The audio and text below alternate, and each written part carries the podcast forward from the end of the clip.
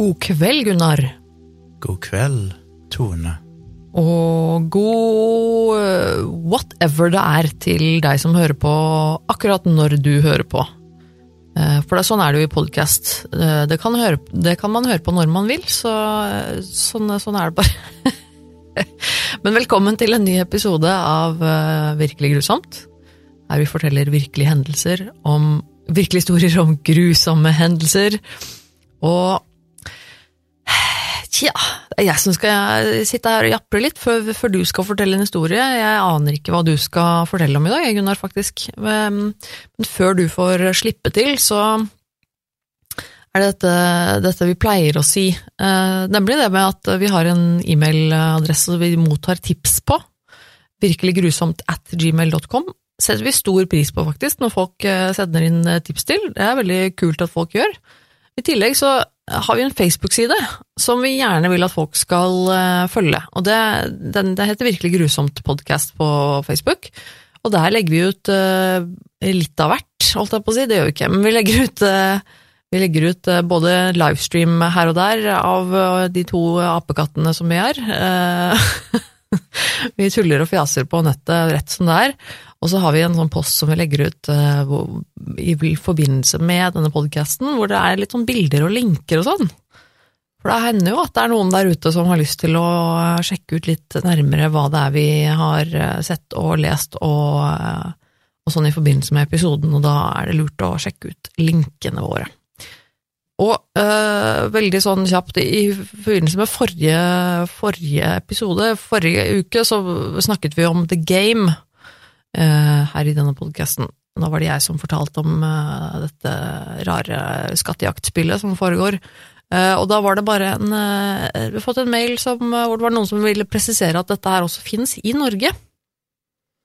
Og det Jeg visste vel for så vidt det, tror jeg. Jeg regnet vel med det. Men eh, personlig har jeg ikke noe erfaring med det, men, eh, men det er visst også eh, mulig å være med på sånne ting her i Norge for de som skulle være interessert. Ja, dette er ikke noe sponsa innslag, eh, selv om de gjerne må sende noe penger. Ja. Men eh, det er et selskap som heter spygames.no, som Mm. driver med teambuilding og events, eh, både i Oslo, Bergen, Stavanger, Trondheim, Kristiansand, står iallfall lista her, som er sånn sikkert veldig gøy. En som har skrevet til oss som har vært med på det sjøl, der han fikk en SM... Nei, jo, en SMS tilsendt av en hemmelig agent, som fikk beskjed om å møte en plass i Stavanger, og der fikk de utdelt ei saksmappe med en sak som de skulle oppklare. Ble delt opp i to lag som gikk hver sin vei, og så gjaldt det da å prøve å løse oppgavene og sånn. Mm. Så Det er sikkert ganske artig, det, altså. det høres veldig likt ut det du forteller. Når jeg hadde løst første oppgave, så fikk de beskjed om hvor, neste, hvor de måtte gå for neste oppgave, og så videre. Og Mm. møtte sånne agenter langs veien som kom med hemmelig informasjon til de rundt omkring i byen, så det høres veldig kult ut.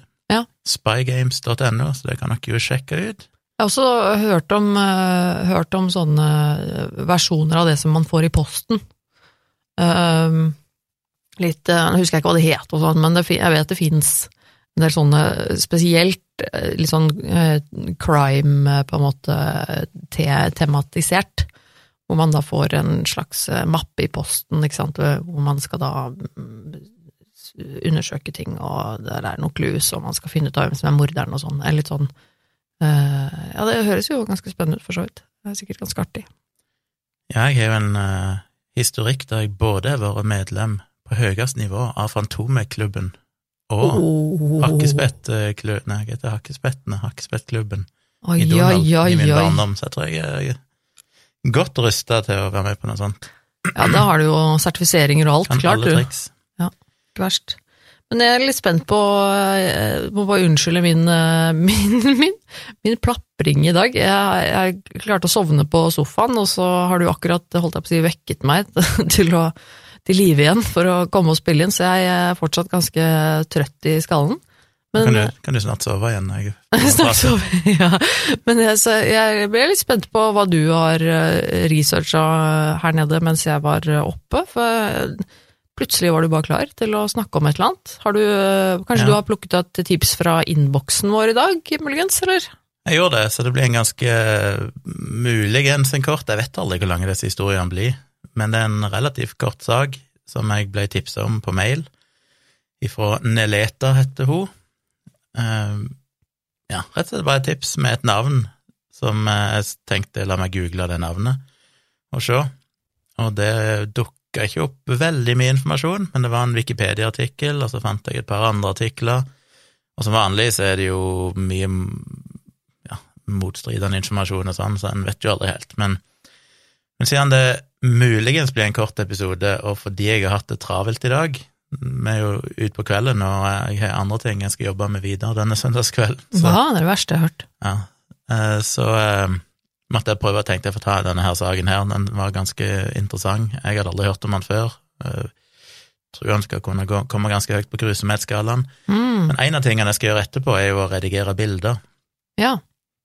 Og jeg skal være så frekk at jeg i denne podkasten, siden vi har litt lyttere, bare veldig kort skal minne folk på, hvis ikke de vet det, at jeg faktisk òg driver med foto. Ja, du faktisk det, det sier jeg ikke bare fordi at jeg liker deg litt ekstra godt, holdt jeg på å si, men, men eh, du er jo faktisk veldig, veldig flink til å ta bilder. Du er jo blitt skikkelig fotograf, faktisk. Ja, du, du er bare- inhabil, så ikke hør på henne. Ja.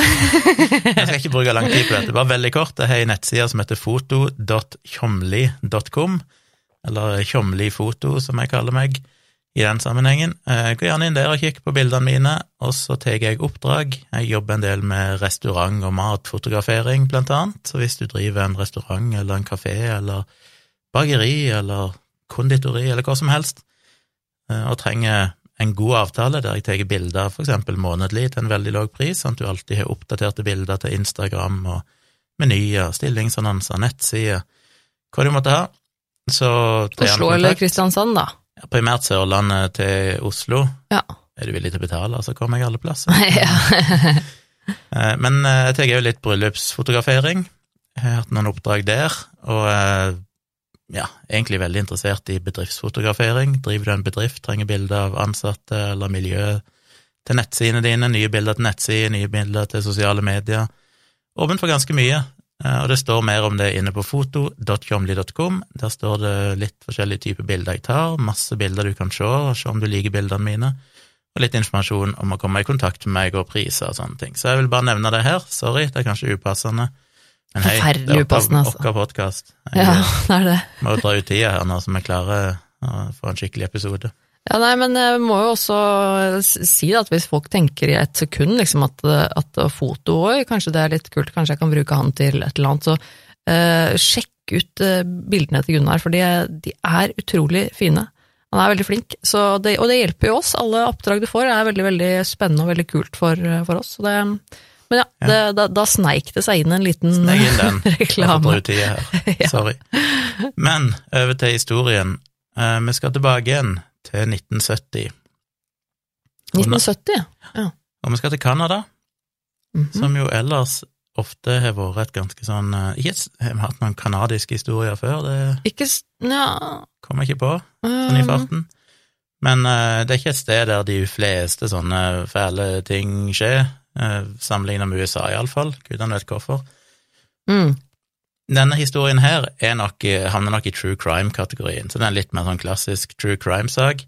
Jeg håper den er eh, virkelig skikkelig grusom, for det var, Ja. eh, ifølge det enkelte som hørte forrige episode, så var ikke den grusom i det hele tatt, og hadde ingenting i podkasten vår å gjøre. Så, så Nei, vi prøver å være varierte, så det er ikke alle historiene som er like grusomme. ja, det er fint. Denne er, er veldig grusom. Jeg vet ikke om du som er litt inne i dette her, Tone, har du hørt navnet Dale Nelson, eller Dale Merle Nelson? Nei, tr jeg tror ikke det. Dette havner nok under kategorien massemord mer enn eh, Ja, okay. seriemord. Ja. Dale, han eh, var en dude som vokste, eller ble født i 1939, og eh, hadde kone, tre barn, ikke nødvendigvis det mest lykkelige ekteskapet, i den forstand at han var en litt ustabil fyr, som hadde nok en historikk med å være ganske voldelig mot kona si. Da. Utover det så finnes det egentlig ingen, ingen informasjon, dette er jo tross alt 50 år tilbake i tid, dermed er jo informasjonen litt sånn mangelfull eh, på nettet. Men eh, ja, og litt av grunnen til at han var sånn, var at han sleit mye med, med alkohol, og drev i seg og tok litt LSD i ny og ne. Mm. Han jobba som tømrer i Creston i British Columbia i Canada. Han eh, si, var jo en normal fyr ellers. Altså, folk eh, tenkte jo på han som en, en grei fyr stort sett, hvis ikke de kjente han veldig godt. Han hadde visstnok en slags Jeg vet ikke om det var en idretts... Oi, karriere. Men iallfall opptatt av idrett. En sportslig, eh, godt trent mann. Men så begynte han etter hvert å slite en del med depresjon, og på et eller annet tidspunkt eh, så eh, ja, tidlig 1970 så prøvde han å ta livet sitt.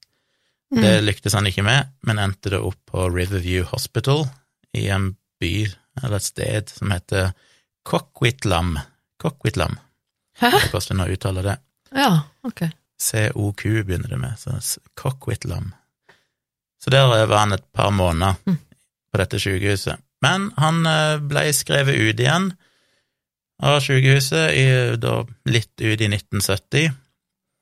Og når vi kommer til da den tragiske dagen 4. september 1970, så kjørte Nelson bilen sin inn til Creston. Jeg vet ikke om det er en stor by eller bare sånn liten landsby, men eh, jeg tror det er en liten småby, vil jeg anta.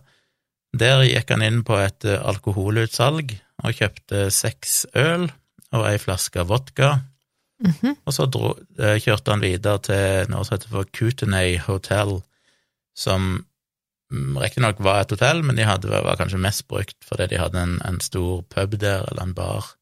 Så der møtte han noen venner, og drakk eh, åtte øl, visstnok. Han var god å drikke. Og vennene sa at eh, han virka helt normal. De snakka om eh, jaktsesongen som var rett rundt hjørnet. Han oppførte seg ikke unormalt på noen måte. Men etter ei stund så gikk han ut av dette hotellet, hoppet i bilen og kjørte til en bekjent av seg, en nabo av der han bodde, som heter Maureen Mackay. Og der spurte han hun om han kunne få tilbake igjen geværet sitt som hun lånte av han, for han skulle, tenkte han skulle ut på jakt dagen etterpå. Han lurte på om hun klarte seg et par dager uten det. En 7 millimeter Mauser 98K Bolt Action Rifle, kan hende det er på norsk. Ja, ok. Ja, jeg er ikke i stand til å oversette det direkte. Nei, ikke jeg, men- gidda å google oversettelsen. Det er ikke så nøye. Et gevær, iallfall. En rifle, da. Altså et, et forholdsvis stort ja, våpen. Ja. Mm. Kraftig våpen. Og det er jo interessant at han selvfølgelig da etter å ha drukket åtte øl, eh, tydeligvis ikke noe problem med å bare hoppe i bilen og kjøre av gårde til, til henne. Men etter han hadde vært henta dette geværet, så kjørte han tilbake igjen til Creston, og der kjøpte han litt ammunisjon til dette geværet, og han kjøpte òg mer alkohol. Så reiste han til et annet hotell som heter King George Hotel, der de òg hadde en bar, og der drakk han visst seks øl til. Nei, men åh. Og etter han hadde drukket de ølene i baren, så gikk han opp på et hotellrom der vennene hans satt, og der ble han sittende og drikke med dem fram til klokka halv elleve på kvelden. Så han hadde jo heftig mengde alkohol innabords, og så vet han ikke helt sikkert, men det er en del som mener at han nok òg hadde tatt LSD Mm. i tillegg, for det var han kjent for å gjøre av og til. Litt etter midnatt så gikk han ut igjen, hoppet i bilen, og så kjørte han hjemover til der han bodde, og der var det en, eh, i et eller annet hus i nabolaget der, så var det en fjern slektning av han, som heter Shirley Was- Wasek. Og han visste at mannen hennes, Alex, ikke var hjemme, for han var ute på tømrerjobbing. Da han kom inn, så tok han eh, brannslukkeren der inne og begynte å slå henne i hodet med den. Hun skrek ut eh, 'No, Dale, don't'. Og igjen, historien varierer litt, men eh, mest sannsynlig så ble nok hun drept allerede der og da. Men han bandt, eller iallfall døde hun kort tid seinere av skadene, men han bandt hendene hennes på ryggen og lot henne ligge i senga på rommet sitt. Shirley hadde da tre døtre. Charlene, åtte år gammel, Tracy, sju år gammel, og Debbie, som var tolv år gammel. Eh, Han gikk eh, da inn til Charlene og Tracy, eller fant dem i huset etter å ha drept mora, tok de med seg inn på rommet til Tracy, som da var sju år. Mm. Og her er det jo litt forskjellige variasjoner hva som skjedde. En plass så leste jeg at han da hadde tvunget Charlene, tror jeg det var, til å gi han oralsex. Um, og så gikk han løs på Tracy med en kniv. Noen plasser så står det jo bare beskrevet at eh, hun ble drept av liksom multiple stab wounds. Mm. Andre plasser, usikker på hvor Ja, jeg vet jo ikke helt uh, hvor troverdige alle disse tingene er, men i en artikkel jeg leste, og en video jeg så, der ble det jo gjen, gjengitt det samme, så kutta han hvis hun eh, i to, egentlig, ifra ansiktet og hele veien ned til skrittet. What? I tillegg til at han òg kutta hodet i to på tvers, liksom, i munnen, da, gjennom munnen. Um, og så gjorde han jo noe som er litt interessant. Han gravde delvis ut innvollene hennes og åpna opp magesekken, og så stakk han ansiktet ned i magen hennes og spiste frokostblanding som hun hadde spist tidligere, som ikke var ferdig fordøyd. What? Så gudene vet hva han tenkte på, og hvorfor han gjorde det, men et ganske horribelt opplegg. Debbie hørte disse her skrikene fra jentene, altså tolv år gamle Debbie, hun var på et annet rom. Hun våkna først, og dette var etter midnatt, i utgangspunktet lå disse jentene og sov. Hun våkna av at mora først og skreik før hun ble drept, og så så hun at eh, Dale Nelson tok Charlene inn på rommet til Tracy, og mens han var der inne på rommet med de to jentene, der han både da seksuelt misbrukte iallfall ei av de, muligens begge, og drepte den ene på brutalt vis, så krøyp Debbie inn på rommet der mora lå, og bandt opp hendene hennes. Det hun ikke visste, var nok at mora allerede var død, da, så det var ikke så mye hjelp i det. Men så tok hun med seg brannslokkeren inn på sitt eget rom og lukka døra. Og da hørte hun igjen Tracy skrike, og hun hørte at Nelson var på vei inn til henne, og da tok hun og kasta brannslukningsapparatet gjennom vinduet sitt og hoppet ut av vinduet og klarte å rømme. Ja. Og Hun sprang da av gårde til, til Mackay, altså hun Maureen Mackay, som han hadde tidligere lånt et gevær av, som da var i et nabohus, og fortalte henne hva som hadde skjedd, at det er en fyr som har drept søstrene mine og mora mi, og, eller angrep iallfall, hun visste vel kanskje ikke hva som hadde skjedd fullt ut. Og Maureen ringte jo umiddelbart til Royal Canadian Mounted Police, eller det ridende politi, ja. for å varsle dette her. De kom jo så fort de kunne, med flere politimenn, opp til huset da, til Shirley Wasek, og der sto fortsatt Dale Nelson sin eh, pickup parkert på utsida. Da de kom inn, så fant de da Shirley drept med denne brannslukningsapparatet, hodet knust, og de fant da Tracy, den minste jenta på sju, død da, enten av knivstikk eller kanskje til og med splitta opp og alt det der som er beskrevet andre plasser. Charlene derimot, søstera altså, som var åtte år gammel, hun fant de i skogen, han hadde tatt henne med og sluppet henne fri ut i skogen av en eller annen merkelig grunn. Jaha. Så hun var ikke skada fysisk, selv om jeg vil jo anta at de syk, men, det, psykiske Ja. traumene må være ganske heftige ut ifra det hun Ja. opplevde eh, på den korte tida. Umiddelbart så gikk politiet ut igjen, og så ja, for hun var jo i rommet, hun, ja, da han drepte søsteren. Så vidt jeg har skjønt, så var jo det. Ja, da tror jeg er ja. blitt seksuelt misbrukt og Mm. hørt at mora ble drept, og kanskje sett like av mora. Ja, hun har det nok ikke veldig bra etterpå da, nei. Eh, Politiet kjørte umiddelbart av gårde til familien til Nelson, altså der kona og døtrene hans var, for de Ja. frykta at de var de neste ofrene. Så de evakuerte da kona, Annette og ungene, og fikk de i sikkerhet. Men der var ikke Dale, de fant ikke han der. Så kom de tilbake igjen til huset til Shirley Wasick, altså der disse drapene hadde pågått, ca. 15 minutter seinere. Men da de kom tilbake igjen, så var liket av Shirley Wasick forsvunnet. Ja vel? Så det de rett og Altså moren? Ja. Så det som hadde skjedd, var at Dale hadde vært der hele tida, mens de var der første gang, og fant alle disse likene, uten at de hadde sett han. Det blir vel sagt at han visstnok hadde bare stått ute i forgården der og kikka på de. Og Av en eller annen grunn så hadde han ikke skutt de, eller gjort noen ting, han hadde bare observert at de var der, og så fort politiet forsvant igjen, så hadde han gått inn og henta liket til Shirley og tatt i bilen sin, pickupen sin, og kjørt av gårde. Så verken bilen hans eller liket av Shirley var i huset lenger. Um, så var det ikke så veldig lenge etterpå, så fikk eh, politiet en telefon fra ei som heter Isabel St. Amand, som bodde noen kilometer ifra der disse drapene hadde pågått, da, hos Shirley Wasick. Og hun ringte for å si at det er en mann her med et gevær. Politiet rykka jo selvfølgelig ut så fort de kunne, for de skjønte jo at dette er nok mest sannsynlig Dale Nelson, og han har allerede drept flere folk, så dette er jo en utrygg situasjon. Men da de kom der, så fant de da Isabel St. Amand, mannen hans, hennes, Ray Phibbs, og deres tre sønner, Paul på ti år, Brian på sju år og Roy som var 18 måneder gammel, alle skutt og drept. Oh. Så det som hadde skjedd, visstnok, var at da Ray eh, åpna døra når han ringte på, så hadde han umiddelbart blitt skutt på nært hold i hodet. Kona Isabel hun rakk vel å ringe politiet, men så ble hun skutt eh, like etterpå. Mm. Og de tre sønnene ble òg alle henretta på kloss hold med gevær. Eh, Den minste gutten og 18 måneder gamle Roy, der var visstnok hodet bare forsvunnet. Eksplodert. Ja. Tilintetgjort. Men mens de drev etterforska huset, så oppdaga de at eh, denne familien har ei datter som heter Cathy, åtte år gammel, og hun var der ikke.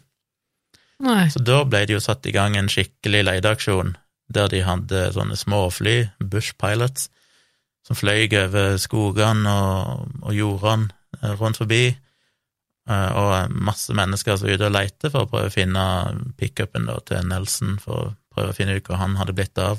Ja, for hun, datteren her, hun er jo missing, hun da, så de Ja. tenker sikkert at han har tatt henne med seg, kanskje, da. Ja, det er jo rimelig å anta. Ja.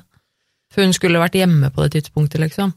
Ja, det, Regner man med, det var jo sikkert. midt på natta. Å, ja, ja, åtte gammel jente, Ja. altså. Så det må man jo anta, men Mm. hun mangla. Eh, så de begynte å leide etter han. Først eh, dagen etterpå, var det vel. Eh, ja, nå var jo på en måte dette samme dagen, for det var etter midnatt, men 5. september, da. Så fant de til slutt på ettermiddagen, altså en del timer etter at alt dette hadde skjedd, så fant de pickupen sittende fast i ei grøft et eller annet sted. Og da politiet rykka ut for å, å etterfor, eller gjennomsøke og sjekke dette her, så fant de inni pickupen så fant de en blodig hammer med rester av menneskehår på, Mm. og rundt bilen så fant de først en av armene til. Tracy Wasick, altså mora, hun første som ble drept. Eh, Litt lenger borte så fant de vel et bein, tror jeg, av henne, og så fant de til slutt resten av kroppen da med, med den andre armen og beinet fortsatt hengende fast. Så hun hadde rett og slett blitt partert og bare spredd litt utover området der.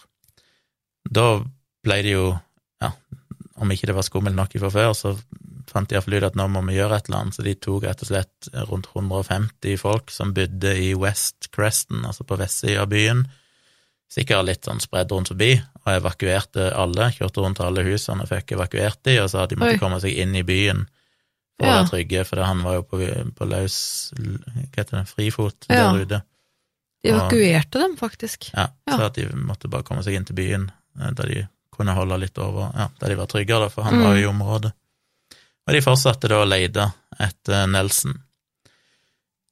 Og han fant de først dagen etterpå, 6. september, seint på ettermiddagen, så kom de til en sånn lite skur ute i skogen, ikke så langt ifra der Dale Nelson eh, bodde, eh, som et skur som jeg antar tilhørte han, og der fant de han liggende og sove ute i ei grøft eller ute på plenen eller et eller annet sånt, sannsynligvis døddrukken fortsatt, og eh, først prøvde de å få vekt han opp, men han var ikke så veldig villig til å, å gjøre noe, og da sendte de en hund på han som eh, han prøvde å forsvare seg mot, da, for den hunden begynte jo Han oppfatta vel den truende.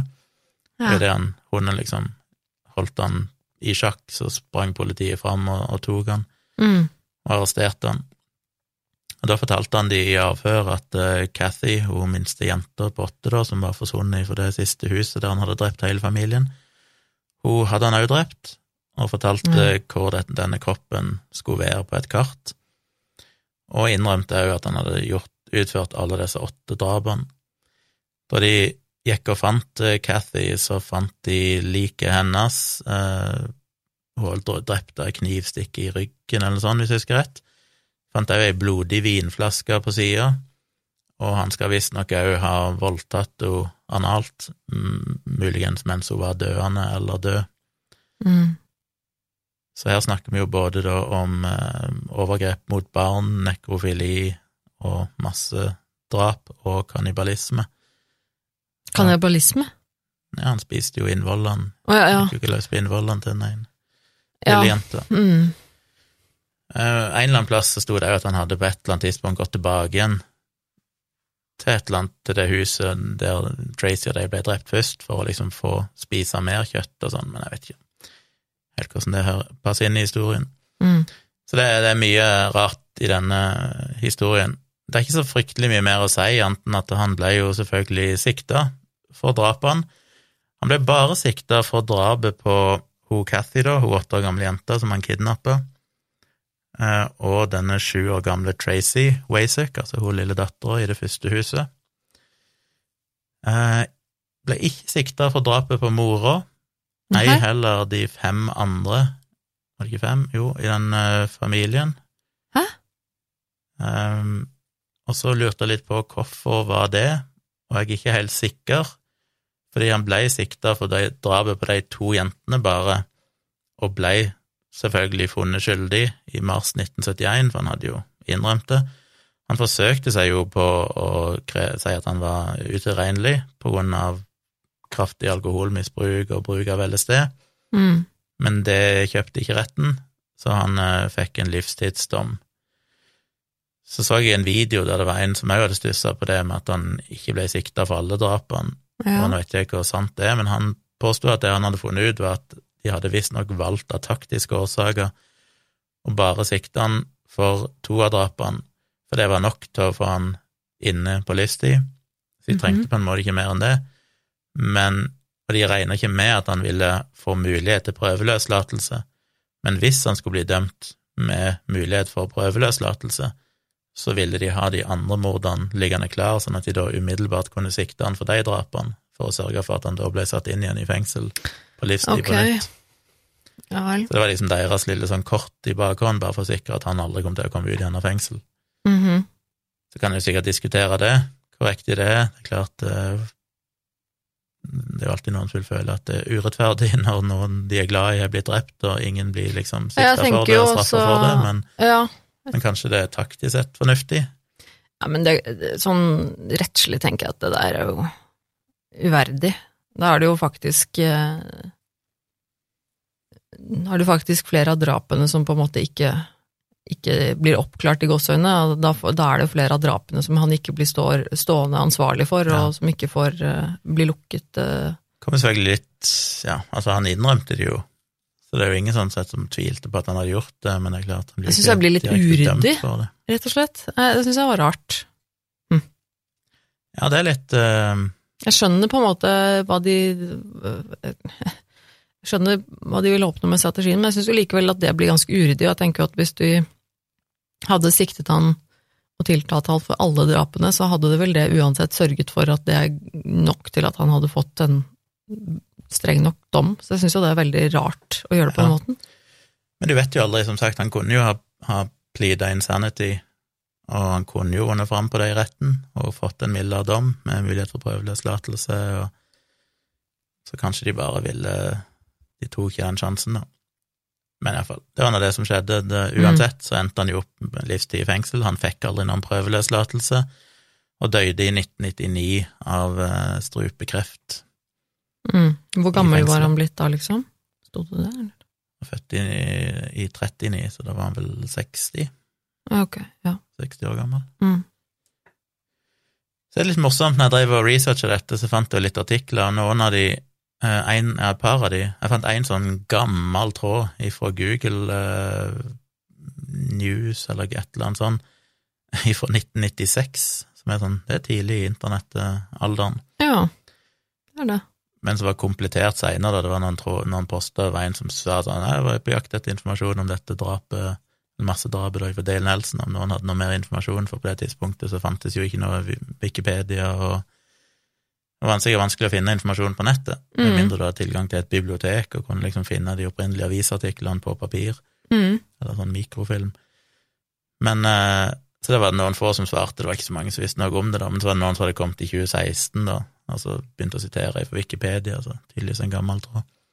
Men det var jo et kommentarfelt under en artikkel, og den var litt sånn interessant, for der er det ei dame tilbake i 2020 Der det er altså en, en slags bloggpost eh, der ene researcher denne saken litt og gått gjennom gamle aviser og sånn, og prøvd å skrive en oppsummering av saken.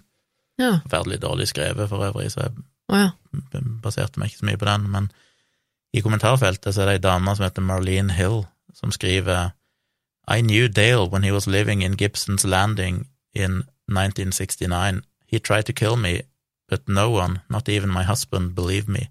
Oi. I never went to the police. After all, if my friends and family wouldn't believe me, why would the police? I was only seventeen and was afraid if Dale found out I went to the police, he would surely try to kill me again. Wow. The day I met Dale, I had my back to him, and when he walked through the door, my hair stood up on end. That night, I told the person that introduced me to him that he was going to kill someone someday. That was the day two months of terror began. It was like yesterday. I should have gone to the police, but I was afraid. The day after Dale committed the unimaginable, horrific murders, the Gibbons um, RMC, RCMP, altså ridende politiet eh, ja, altså etter, Dagen etter drapene så ble hun innkalt da av politiet, Ja. og eh, Ja, fordi de hadde hørt rykter da om at at hun hadde sagt at han kom til å drepe noen en dag og sånn, og Mm. Hva hun, Hun ville vite hva hun visste, da, sikkert. ja, hun Mm. følte at han drev og Hun sier for at han stalka, og ikke, han, hun følte iallfall det. Yes. Og hun sa jo at hun visste at Dale på et eller annet tidspunkt hadde gitt penger til ei lita jente hvis hun ville ta ned buksene sine og liksom vise henne ting. Men ingenting av dette turte hun noen gang å si. Og så hevder hun, da, og dette er jo bare et kommentarfelt, Mm. dame som vet jo ikke noen ting, men hun hevder at politiet sa til henne under avhør at alle disse folkene var døde på grunn av henne. Fordi hun aldri hadde gått, og hun visste Hæ? det. At politiet sa det til henne? Ja. Og at hun den dag i dag fortsatt føler en enorm skyldfølelse. Nei, what the fuck? I still live this hellish nightmare of guilt. Så sier Jeez. I often wonder if I would have been his first victim, or were there more before me, or before the mass murders. It wasn't just out of the blue. He showed signs way before he took their lives. Only everyone I knew seemed to like Dale, and repeatedly said he was harmless, and though there was something wrong with me for saying he was, and thought there was something wrong with me for saying he was going to kill someone, Ah, and then telling them he tried to kill me, and that it was him that was offering kids money. People thought for some reason I had it out for him. Ah. My phone didn't stop ringing for days after the mass murders, everyone saying, How did you know? I just knew. Å, shit. Tenk om det er sant. Og hun hadde vel også skrevet det samme i den der Google-tråden, som hun tydeligvis har funnet i nyere tid, og så har hun inne og skrevet at hei, han prøvde å drepe meg òg. Nesten rart at ikke hun er blitt intervjua noe sted, men det er vel ikke noe Ja, Det er vel ikke noe, noe medie eller noe sånt som har tatt opp saken i senere tid, som har kunnet intervjue henne eller et eller annet, jeg vet ikke, men, men det er jo wow. Ja, det er, det er ganske drøyt, altså. Hvis det stemmer, så må det jo være altså, Tenk å altså, What? At politiet sitter og sier det, det Ja, det er jo i så fall helt, eh, helt forferdelig. Å legge sånn skyld på, på et, et uskyldig menneske på den måten der, det må jo Hun som eh, sendte mailen, hun sa at denne saken, selv om det var et helt forferdelig massemord og sånn, ikke fikk så mye oppmerksomhet, kanskje fordi det ble overskygget av Manson-drapene. Å ja, det var egentlig det som var i media, liksom. Det var vel Mm. et år tidligere da, men kanskje rettssaken eller sånn pågikk da, ikke på 70-tallet. Ja. Ja, eller i 1970, da, at det, det ble overskygget av det. For det, det var ikke mye informasjon å finne. Det er som sagt denne Wikipedia-artikkelen og et par andre artikler, og jeg googla jo navnet hans, bare navnet uten noen ting mer, og allikevel så fant jeg nesten ingenting. Eh, selvfølgelig kan det finnes mer hvis jeg hadde gravd enda dypere, men men eh, det er jo lenge siden, det er 50 år siden han er død, så det er kanskje ikke så mye interesse for det lenger. Stort sett det jeg fant av uh, søketreff, var jo andre amerikanske podkaster som har tatt opp samme saken. ja. Og til og med på YouTube, der det ofte ble mye videoer om sånne saker, så fant jeg egentlig bare Jeg fant to videoer som handler om han, veldig korte, Mm. som egentlig ikke sa noen ting særlig nytt.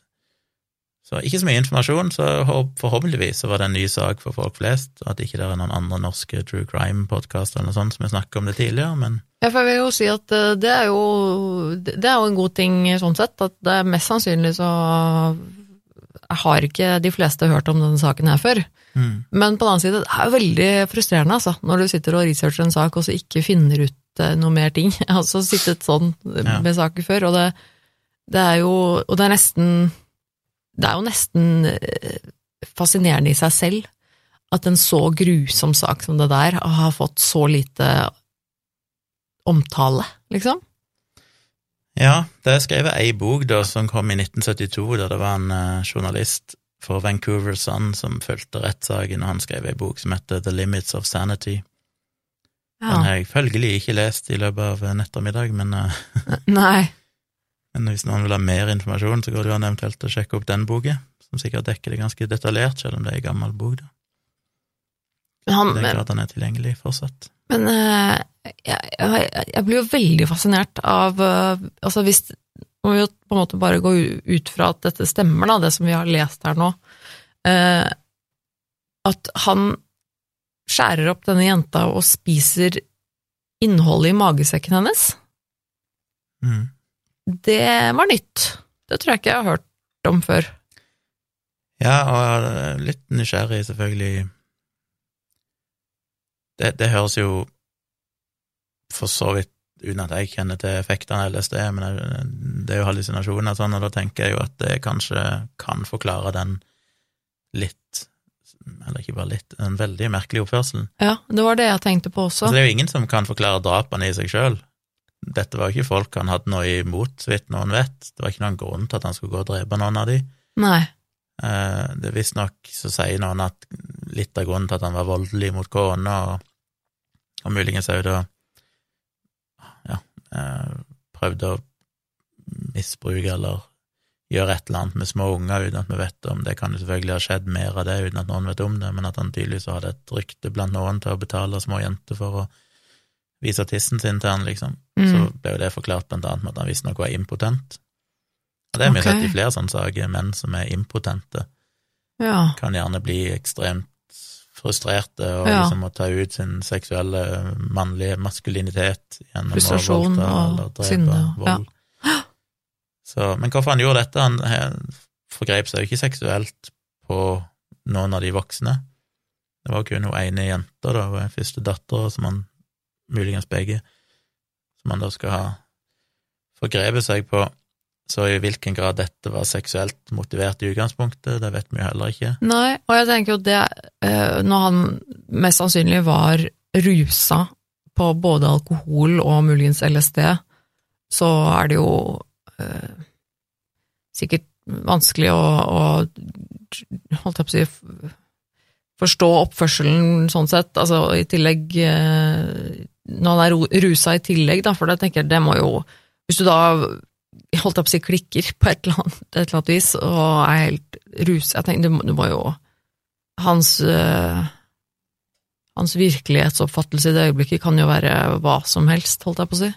Men det Ja. kan jo hende at øh, Kan jo hende at han hadde en, en pedofil legning i bånn der, da, øh, som var med på å gjøre at han hadde det fælt med seg selv, muligens. Jeg tenker, Du, du nevnte jo noe med at han, at han hadde problemer med alkohol, eller at han var alkoholisert og stadig ruset seg og hadde utøvd vold mot, mot kona si, sa du ikke det også? Mm.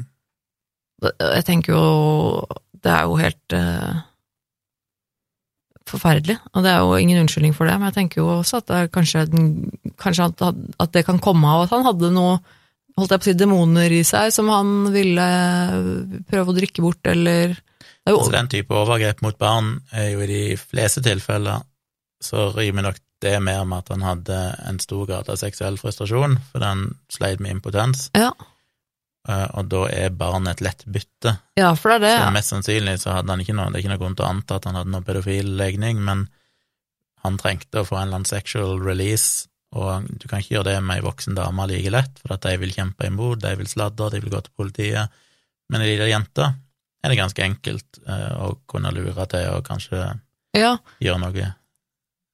Du ja. kan slippe unna med det. Så Helt klart, og det, det er jo sånn vi har nevnt tidligere i podkasten her også, hvor vi har snakket om, om eh, overgrep mot barn og sånne ting, at det ofte har mye med opportunity å gjøre, Mm. at, eh, ikke nødvendigvis med, med noe seksuell tiltrekning.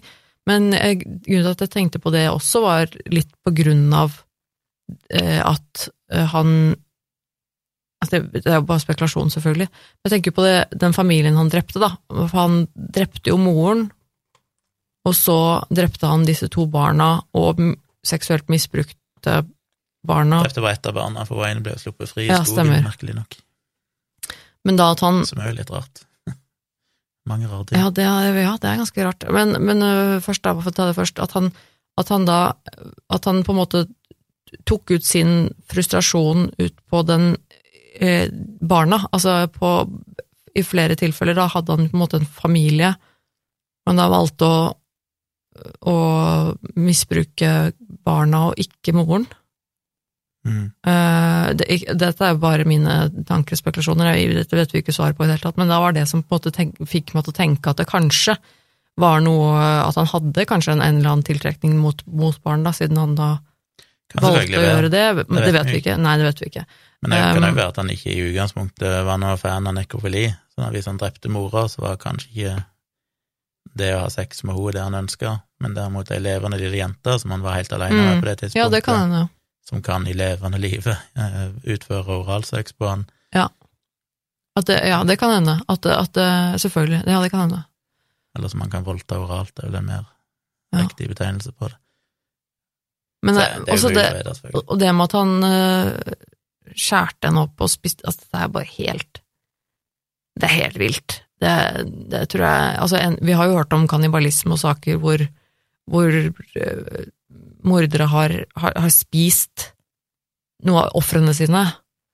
Det er jo heller ikke helt eh, altså helt, helt uvanlig. Det er jo uvanlig, men, men vi har jo hørt om det før også, litt den Mm. derre eh, hvor man kanskje tenker på eh, mordere som Jeffrey Dahmer eller andre typer som, har, som også har drevet med kannibalisme, hvor det har vært en slags rituell handling eller um, en slags, em, slags eh, ønske om at de skal være en del av dem. Mm. Ha det med seg for alltid og sånn. Men det er jo mye mer seriemord, for da er det mye mer sånn Ja, det er veldig mye, det er veldig ritualistisk og Ja. veldig Men dette her ofte, eller det, det, som, det som skjedde i dette tilfellet her, syns jeg er litt sånn merkelig. For det, det er men, men spiste han noe av henne, eller spiste han bare innholdet i magesekken hennes? Det står litt forskjellige ting. En plass står det at han dykker ansiktet ned for å spise restene av innholdet i magen, magesekken. Eh, Men det sto òg en plass, og det tror jeg òg var hos samme jenta, at han òg hadde dratt ut innvollene hennes for å spise de. Mm. Men igjen, det er vanskelig å si helt sikkert om han faktisk spiste innvollet, eller om det er bare en tolkning av at han Ja. egentlig spiste innholdet i magesekken, og gudene vet. Men det, det, det er litt interessant det, hvor forskjellig det er da med sånn seriemordere, og det rituelle rundt det, og hvordan det nesten blir en sånn religiøs Nei, ikke religiøs, men altså det, det blir mer noe sånn opphøya til noe som betyr noe for dem. Ja. Som at de må gå tilbake til åstedet og Ta vare på ting. det, og være Ja. en del, at de skal spise de, eller bevare kroppsdeler, for de vil ha den makta over de. Ja, ikke, ja, enten makt, men også iblant kan det være det. hele Ja, den, rett og slett den, den følelsen av, av, av at man eh, tar vare på Eller sånn, altså ikke tar vare på, det blir feil eh, å si, men, men ehm, eh, altså blir en del av dem, så man kan ha det med seg og, Mm. og, og minnes det. Altså fordi at dette er en, en hendelse eller noen følelser, det vekker et eller annet i den som de vil huske på. Men skal jeg tolke denne saken, så er jo dette et massedrap, ikke et serie, seriedrap, flere seriedrap. Eh, Eller to massedrap, kanskje, da. Og Ja, så men det eh, føles jo Det er jo alltid vanskelig å si, men, men la oss si dette er en fyr som åpenbart har slitt med depresjon, Mm, impotens, eh, rusproblemer, tatt ut mye av frustrasjonen sin på kona over lang tid. mm, så drikker han veldig mye, muligens også påvirka LSD. Eh, så kan det komme altså det der, Den handlingen med å spise innvoller, for meg så er det et sånn symbol på den totale løsrivelsen ifra samfunnets normer og moral. At det er bare sånn, det kommer til et punkt der det klikker for han, og nå gir han bare totalt faen. Ja, at det er litt sånn der, Han vil jo drepe folk hvis han, han liksom vil være et dyr, han stapper hodet i Ja, og vil ja, spise, det er en sånn ja. dyrisk løsrivelse. Ja, litt den derre bare Du ser Ingen for deg liksom en, en eller annen som bare, bare ja, som klikker helt som blir gærne, bare ja. Nå skal jeg bare Ja, litt den der Litt den følelsen, liksom, ja. Ja, og gal er kanskje ikke rett eh, ord å bruke på det. Det er på en måte galskap, men samtidig så er det kanskje òg bare en sånn eh, Ja, det, det er en måte å, å bare Ja, frigjøring Råskap, da. løs, Ja. Ja. Men altså løsrivelse, på en måte, tenker jeg, da. Ja. Fra samfunnets normer og regler og sånn, og tenker nå er det ingenting som gjelder lenger. Ja. Jeg vil bare gjøre følge mine mest dyriske instinkter. ja og bare Jeg gjør alt det jeg har lyst til akkurat nå. mm, Som jeg tror gjelder i en del sånne massedrap, at det er folk som bare blir så klikker så på grunn av at de har følt seg hemma hele sitt liv, de har hatt strenge foreldre, strenge Altså det er sånn Plutselig, når de da først finner ut at nei, nå, nå vil jeg ikke mer, nå vil jeg være meg, mm, så bare gjelder ingen regler lenger, ingen lover, ingen Ja. hensyn. At man bare At det blir et slags ultimat utløp for, for alle de alt sinnet og alle de vonde følelsene og sånn, som bare kanaliseres ut i et sånt kjempeangrep. Det godt hende. Det er en eh, ekstremt brutal sak. Ja, her er mye rart også. Ja, så er det det med at han eh, satte fri hun ene jenta, Ja, da. det er rart. Hva gjorde han det for? Nå vet jeg ikke helt sikkert om han seksuelt misbrukte hun òg, eller om hun slapp eh, få det uten å være involvert på noen måte. Altså, politiet kom jo, det kan jo være at han Altså, når satte han henne ut i skogen, det vet vi ikke helt. Altså, hun, hun Debbie, hun helsesøster, hun stakk ut, varsla naboen, ringte politiet, og han var jo fortsatt i huset når politiet kom første gang Mm. fant jo ut Uh, Var det i det politiet kom, at han kanskje bare tok med seg hun ene jenta og stakk ut en bakdør inn i skogen, og så var politiet der, og så bare lot han hun være igjen. At han egentlig ville ha drept henne òg hvis ikke politiet hadde kommet, var det det som gjorde at han ikke drepte henne? Mm. Dette skjedde jo ganske fort. Eller hadde han plassert henne ute i skogen allerede før politiet kom, det vet vi jo ikke. Men det er veldig rart at han av en eller annen merkelig grunn, det får vi aldri vite, men av en eller annen merkelig grunn valgte å ikke ta livet av henne. Ja, det er veldig mm, rart. Og når han da kom til det andre huset, så bare skjøt han alle umiddelbart, liksom uten noen hensyn i det hele tatt. Som er jo sånn, hvorfor gjorde han det? Hva var grunnen til at han bare gikk til det første og beste huset han fant, og bare skøyt hele familien, men igjen da kidnappa en jente og stakk av? Det er liksom ja, så vanskelig for å på en måte forstå, forstå tankegangen hans, eller logikken hans på et vis, på en måte, da. Det høres kanskje rart ut for mange, men, men tross alt så er det jo ofte sånn at folk som, folk som begår drap, massedrap, eller om det er eh, seriemordere og sånn, det, er det er jo ofte en, en eller annen form for logikk. Ja, men ikke logikk, så det er, en- det er jo noe som avgjør de valgene du tar. Ja, det, ja men i er deres hode så er det jo logikk, på en måte. Ja, ikke sant. Men at det er et eller annet, en eller annen eh, Men, men han her var jo helt Det kan jo selvfølgelig bety at han hadde noe pedofillegning, det at han valgte å drepe de tre guttene, men i utgangspunktet da sparte livet til hun jenta for å kunne voldta henne Ja, kanskje det. Før han drepte henne. Mm. Kanskje at han likte jenter, men ikke gutter. Mm, det kan hende. Um, nei, jeg vet ikke. Og hvorfor tok han, hvorfor tok han seg bryet til å gå inn og hente hun første dama og ta henne med seg i bilen, og så partere henne ut i Ja, det var det et òg, eller ja. annet sted og bare la henne ligge der. Hvorfor gjorde han det? Altså, sier alt bare vært sånn, har han hatt en beef med henne, da, så han bare hadde et enormt behov for å få ut noe raseri mot henne? Men kan det, det Jeg tenker liksom, har det, har det her Det må vel ha vært kanskje fordi han hadde dårlig tid, da. At det har skjedd i et sånt rush, på en måte, sånn at han må forte seg og komme seg bort. For hun hadde da allerede ringt politiet. Eller åssen var det? Hvem er det du snakker om? Um, den var det familie nummer to, uh, hvor, hvor de fant først armene og så beina Nei, det var familien Det var Shirley Wasek, altså den første hun drepte. Gikk han jo inn og henta liket av, mens politiet var borte for å varsle familien hans. Han Ja, det var like av hun første. Ja, den andre familien, de Mm. ble bare liggende igjen der. Det gjorde han ingenting med. De ja, skjøt da var det den, det ikke noe mer. ja, da var det den biten jeg misforsto. Jeg, jeg Han tenkte at det drepte var først hun Shirley, mm, drepte så dattera Tracy, slapp Charlene løs. Mm. Politiet kom mens han var observerte de. Politiet drog igjen for å varsle familien hans, og mens de var vekke i et kvarters tid, så gikk han inn i huset og henta Shirley, tok henne i bilen, kjørte av gårde. Og når de da en dag senere fant bilen hans, så fant de liket hennes partert. Um, han, hun var jo en distant relative Å de har jo tydeligvis kjent hverandre da, sikkert hele livet, i en eller annen grad. Og Mm. burde vel ikke, altså siden politiet rakk å reise til familien hans og varsle de, ta de i sikkerhet og komme tilbake igjen i løpet av 15 minutter, så var det jo tydeligvis veldig nært. Ja. Dette skjedde veldig nært der han sjøl bodde. Så hun var nok en bekjent av han, så det er klart hun, han kan hatt en eller annen beef med henne, som han bare hadde ja, for jeg syns det er også rart at han ikke drepte familien sin. Ja, og så er det jo den LSD-en, da. Det er klart du kan jo aldri vite når det er sånt inne i bildet. Og så har han hatt en eller annen vrangforestilling om stemmer som snakker til han, holdt jeg på å si, altså, eller sett et eller annet som gjorde at han måtte partere henne fordi han fikk en eller annen idé om at eh, når demoner eller gudene vet noen ideer du kan få, Ja. Kombinasjonen av store mengder alkohol og LSD, så kan det jo bare være at han har Ja, men kanskje det, kanskje det var eh, Ja. Nei, for jeg, jeg syns jo det er rart at han ikke, at han ikke drepte familien sin på, på et vis, for, altså fordi han tydeligvis har tatt ut frustrasjonen sin på familien tidligere, mm. og de var jo da kan Jeg vet ikke man om han har gjort noe med ungene, da.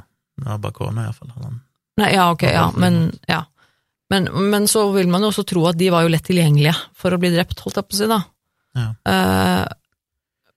Altså, det, er, ja. Det er jo sånne ting man har sett før, av, eh, av lignende hendelser hvor det er familien da, som på en måte det går utover først. Det er vanskelig å vite hvor planlagt det var òg. Altså, han gikk jo først og drakk med, i baren med vennene sine, og så gikk han jo til hun der um, Maureen Mackay, hun som endte opp med å varsle politiet første gang, og hente geværet sitt. Mm. Hun bodde vel tydeligvis òg rett i nabolaget, siden dattera til hun, hun som ble drept, hun Debbie, hun, når hun kom seg ut av vinduet, så sprang hun til nærmeste hus, og der bodde jo hun Maureen Mackay, som han tidligere hadde vært og henta våpen hos. Mm. Altså, han gikk jo og henta et gevær, og så reiste han jo tilbake til kompisene sine og drakk mer. Henta han det geværet da for han faktisk skulle på jakt dagen etterpå, men så skjedde det et eller annet som gjorde at han klikka, eller hadde han tenkt lenge på at nei, nå skulle han gjøre et eller annet, så han gikk og hentet i været, og så gikk han tilbake igjen for å drikke seg til mot. Mm. Ja, for vi vet, vi vet ikke noe om han drev med jakt. Det gjorde nok sikkert alle der. Ja, ja ok, ja, men vi, vi, vi har ikke noe innpå om det, egentlig. Nei, men Nei. han, han eide jo et jaktgevær, åpenbart, så Ja. det var han, hans gevær som hun lånte av han. Ja, så det kan jo faktisk hende at han hadde intensjoner om å dra på jakt.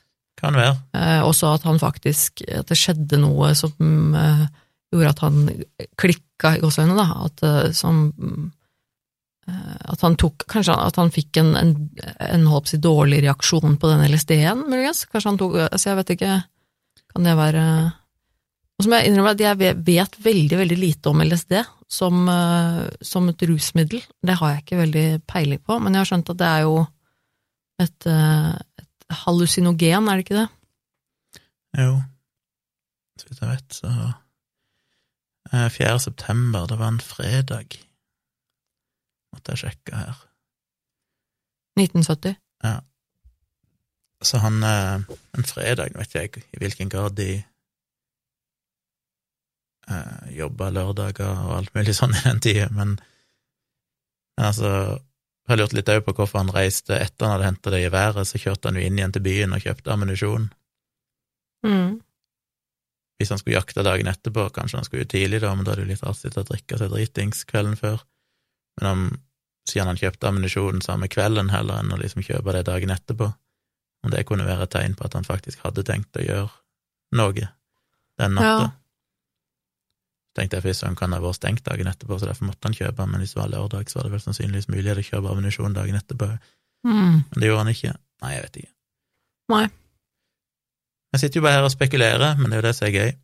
Men har du noe info om LSD som kan være relevant, holdt jeg på å si?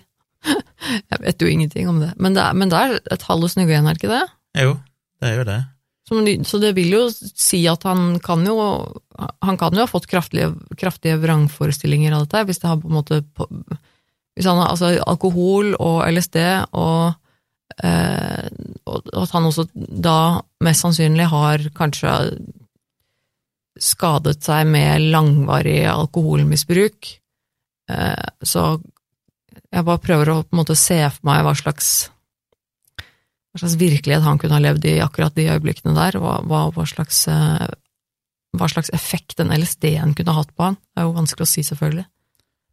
Altså, LSD er et hallusinogen, eh, gir forvrengninger, sanseinntrykk, illusjoner. Mm. Du kan òg oppleve hørsels-, lukt-, smaks-, berøringsillusjoner. Du vil òg oppleve synestesi ofte, sånn at du ser musikk eller kan høre farger, men du kan òg oppstå en slags akutt psykose, mm. der tankekontrollen din blir så forstyrra. Mm. Så du, det er jo litt som med alkohol òg, at du får heva stemningsleie og blir mer ukritisk, altså mindre selvkontroll. Ja.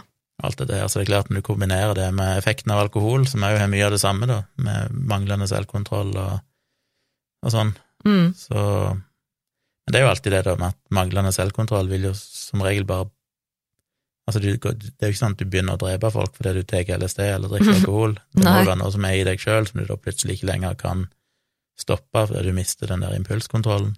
Ja. Og det er jo det som er litt sånn, hadde han da en beef, altså det er en grunn til at han valgte akkurat hun uh, Wasik og gikk og angrep henne.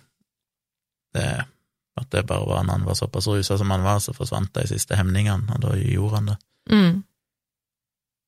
Men igjen, fryktelig mye rart. Vet ennå ikke hvorfor han drepte den andre familien. Kanskje han hadde en beef med dem òg. Det står ikke noe her om han kjente dem fra før. Det er ingen som vet noen ting om. Nei. Eh, ja, mye rart. Men uh, vi har snakka lenge, så vi må kanskje ja. plassere dette på en grusomhetsskala, eller de en grusomhetsskala. Jeg syns jo dette her var en veldig interessant historie, da. Veldig rar. Veldig sånn Ja. Uh, og det, jeg tror jeg sent kommer til å glemme mitt uh, mentale bilde av han som uh, har trynet ned i magen for å spise. Det var veldig, veldig spesielt, må jeg si. Ja. Det er nesten komisk, uh, uten å på en måte ta fra det alvoret, liksom, men, men det var sånn Det var helt helt vilt. Det har jeg aldri hørt om lignende før, faktisk. Lurer litt på de, hvordan de vet det. For det må enten bety at søstera så det, og har rapportert det seinere. Ja, hun var jo der, var hun ikke det? Eller at han har fortalt det under avhør, ja. virker kanskje litt rart, men han innrømte jo alle drapene med en gang, så det kan jo være han var klar for å fortelle alt. Men hvis det var sånn at søsteren var i rommet der hele tiden, så er det jo vel kanskje naturlig at det er hun som har observert mm. og fortalt, fortalt om det etterpå. Men skal jeg rangere denne her, så må jeg jo si at den uh, for meg på grusomhetsskalaen én til ti uh, Ja, det er ganske ille, altså. Åtte? Ja, jeg tror han havner høyt. Det er mange som ble drept. De fleste av de som ble drept, var veldig små barn. Ja, det er barn, og så er de drept på en ganske fæl måte, ja, og det er misbrukt flere av dem. Og... Nekrofili, muligens. Ja, nei, det, det er ganske Og så er det så uforklarlig. Ja. Det er veldig bisart, hele opplegget, liksom. Må jo si, vi nevnte ikke det, men jeg må bare gi en kudos til tolv år gamle Debbie, for det tenker jeg, det er modig. Og ja, se hva som er skjedd, ser mora di ligge med hodet smadra, eh, søstrene dine blir tatt inn på et rom, du hører de skriker, og så allikevel så sniker du deg ut av rommet, kryper langs gulvet inn på rommet og binder opp hendene til mor di og tar med deg fuckings brannslukningsapparatet. Ja, fy fader. Og det å tenke så langt, det er jo som å hive det gjennom vinduet, og så hoppe ut av vinduet, mm. som er ganske Ja, du klarer neppe å gjøre det uten å bli ganske opps, oppskåret. Ja, det er ganske heltemodig, altså. Så det er, ja, det er litt av en heltådig innsats, selv om de Får bare håpe at hun uh, kom seg igjen på et eller annet ja. vis etterpå, for jeg kan tenke meg at uh, man blir ganske Nei, Jeg tror jo du må nesten havne på en rundt en åtte, ja. Men vi er jo nysgjerrige på hva dere mener, så pass nå på å gå inn på Facebook-sida vår som heter Virkelig grusom podkast, og kommentere under denne posten når den dukker opp i løpet av mandagen. Ja, kanskje du selv har noen teorier om hva som har skjedd her, om uh, ja. hva, som, uh, hva, som, er årsaken, eller uh, om du i det hele tatt kanskje hadde hørt om den saken her før. jeg er også litt spent på. Og så husk å sjekke ut foto.tjomli.com. Følg dere på både Instagram og Twitter, der jeg heter Civix, C-I-V-I-X. Jeg heter Tone Sabro. Vi har òg YouTube-kanaler. Tone heter Tone Sabro der òg. Min YouTube-kanal er Tvilsomt med Tjomli. I tillegg så må vi også tipse dere om eh, våre andre podcaster. Min podkast som heter Nerve, og Gunnar sin podkast som heter Tomprat. Setter veldig pris på lyttere på, på den fronten også, siden du allerede tydeligvis hører på podkast, så kanskje det er verdt å sjekke ut eh, de to også. Og hvis du går inn på YouTube-kanalene og klikker på abonner, og klikker på det bjelleikonet der du kan skru på varslinger, så får du òg en varsling når vi går live. Det kan jo være gøy å se på. Ja, sist vi var live, det har jo i utgangspunktet ikke noe med podkasten å gjøre når vi er live på fredager iblant, men det er jo noen, våre, lyt, noen av lytterne våre som har vært med live og sagt at det er ganske hyggelig å følge med oss og stille spørsmål og Hva gjør ikke ansiktene våre. Ja, det er det. Det ser jo helt annerledes ut enn det de trodde. Ja, det, ja, det, det er gøy, og, og hyggelig å ha med lyttere. Så det er hjertelig velkommen eh, til det. Så eh, med det sagt må vi jo bare si eh, tusen takk nok en gang for at du der ute fortsetter å høre på podkasten vår og støtte det vi driver med. Det setter vi stor pris på. Lyttertallene går stadig vekk oppover, så det betyr at dere kanskje er flinke til å gjøre som vi sier, tipse venner og bekjente og dele og sånne ting, sånn at stadig flere oppdager denne podkasten, og det syns vi òg er veldig gøy, og takker veldig for det. Og med det så er vi vel ferdige, og vi Ja. tilbake igjen om ei uke med en ny episode. Det gjør vi. Ha det. Ha det.